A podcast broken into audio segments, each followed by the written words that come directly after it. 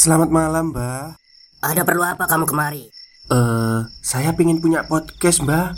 Biar pacar saya makin cinta sama saya. Loh, loh, loh. Mau bikin podcast kok tanya dukun? Sekarang kamu download aplikasi Anchor.fm. Di situ kamu bisa buat podcast gratis dan podcast kamu bisa didistribusikan ke platform mana pun. Dan di aplikasi atau website Anchor.fm juga terdapat fitur-fitur yang memudahkan kamu untuk membuat podcast. Oh, gitu ya, Mbak. Kalau gitu, saya boleh minta password wifi-nya, Mbak. Buat apa? Buat download Anchor.fm, Mbak.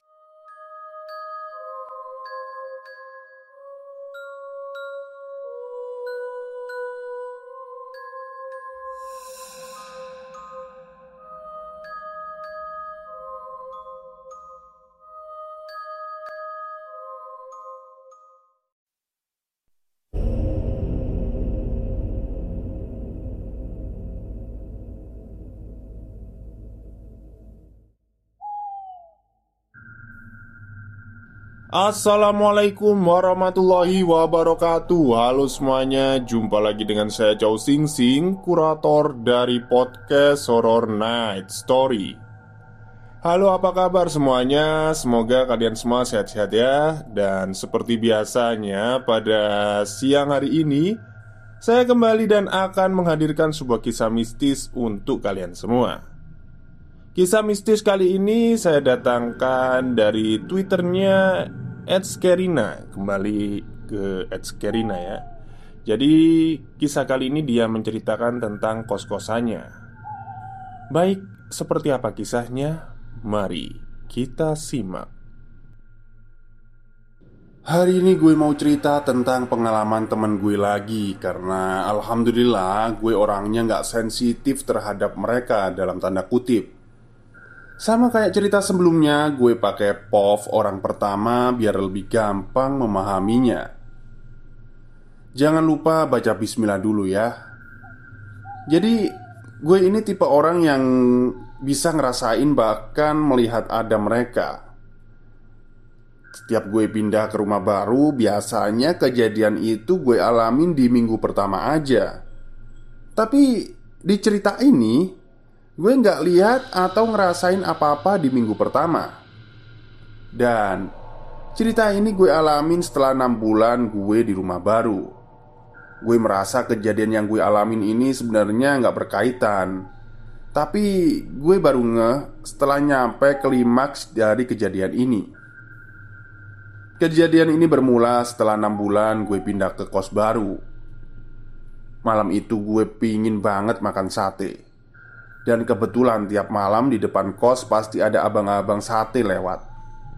Akhirnya gue beli tuh sate yang lewat. Pas gue keluar buat beli sate di teras kosan ada dua temen gue yang lagi ngobrol. Pas ada di luar pagar Gue lihat di lorong sebelah kosan ada sepeda cewek yang ada keranjangnya gitu. Tapi posisi sepedanya itu membelakangi gue Jadi keranjangnya ada di depan setelah gue kelar beli sate, gue dengar ada berisik di lorong sebelah kos. Pikir gue itu suara mbak kos yang tadi ngobrol berdua. Terus mereka mau ngerjain gue gitu. Gue berniat buat ngegetin mereka balik tuh. Akhirnya gue jalan ngendap-ngendap ke arah lorong. Pas gue lihat ke lorong, ternyata nggak ada siapa-siapa. Dan sepedanya berganti posisi dong jadi udah nggak membelakangi gue lagi. Perasaan tadi posisinya nggak gini deh. Pikir gue saat itu. Terus suatu hari gue kena tipes dan gue cerita ke mama gue. Ternyata mama gue sampai dateng ke kosan. Padahal kota tempat gue kuliah sama rumah itu jauh banget. Ya udah, Akhirnya mama gue nginep beberapa hari di kamar gue. Tapi di kamar itu gue nggak sendirian. Gue sekamar berdua sama adik tingkat gue. Malam itu gue tidur di kamar teman gue lantai dua Dan mama gue tidur di kamar gue. Nah Pas mama gue tidur Mama gue itu bermimpi ngelihat cewek duduk di kolong kasur teman gue tadi Dengan tubuh yang berdarah Bayangin coba. Kasur teman gue itu kecil Sama kayak kasur gue dan kolongnya nggak tinggi. Logikanya Nggak akan bisa orang mau duduk di bawah kolong. Besok malamnya gue udah tidur di kamar gue sendiri tuh Karena mama gue udah balik ke rumah. Pas gue kebangun Gue lihat temen gue duduk Dengan pandangan kosong ke arah gue Sambil bawa gunting Gue takut banget asli Tapi untungnya temen gue gak ngapa-ngapain gue setelah beberapa tahun kemudian, kita baru saling tahu tentang kejadian yang ada di kamar kita ini.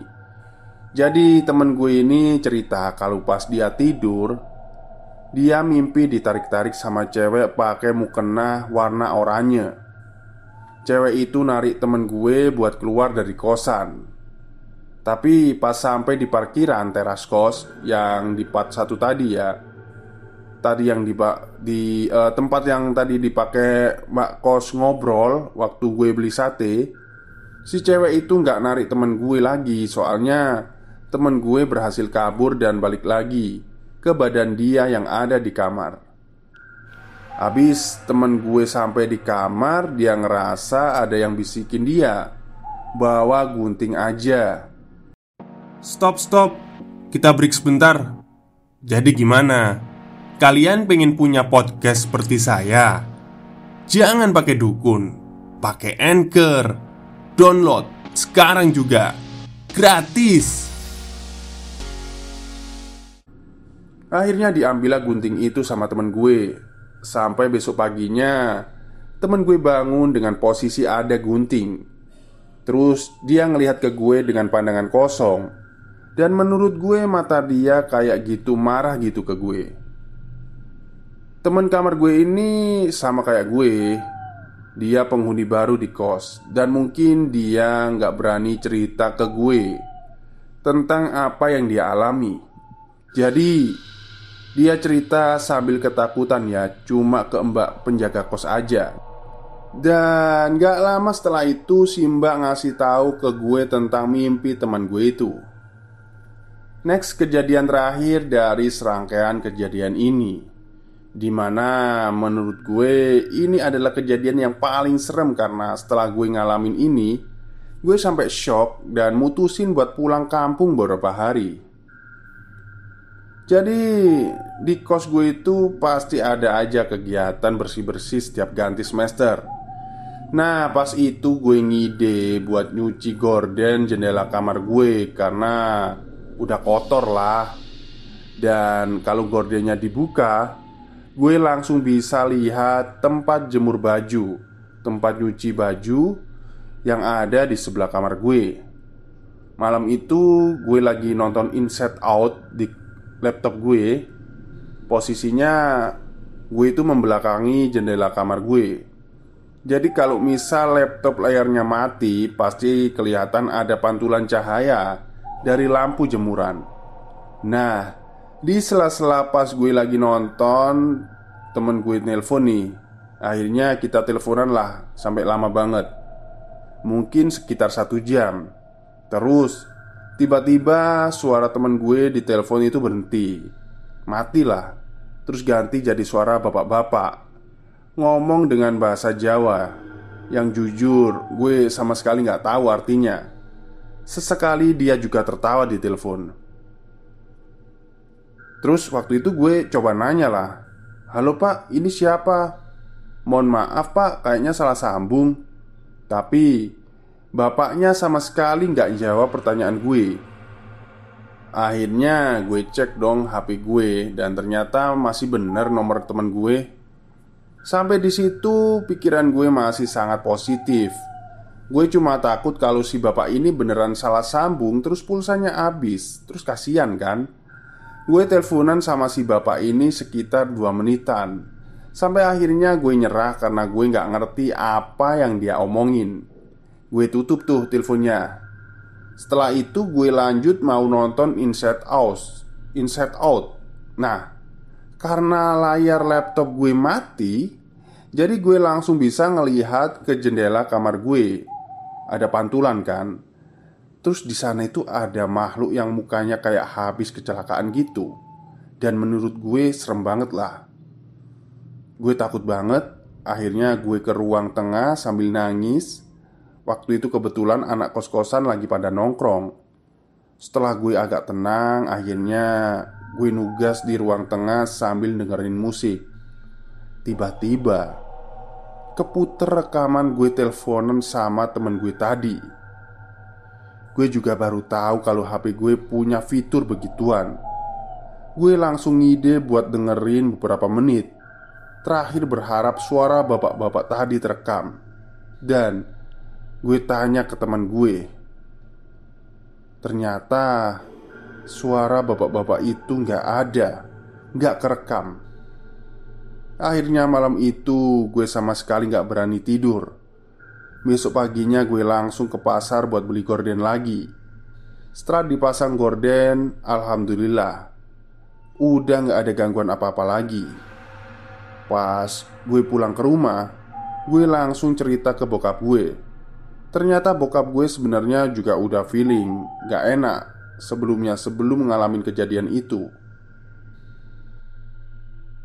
Baik, itulah akhir cerita dari tweet twitternya Skerina20 tentang hantu Gordon ya. Jadi ternyata yang bikin seram itu Gordon yang ada di kosan itu. Mungkin ada penunggunya kali ya. Oke mungkin itu saja cerita untuk siang hari ini. Kurang lebihnya saya mohon maaf. Wassalamualaikum warahmatullahi wabarakatuh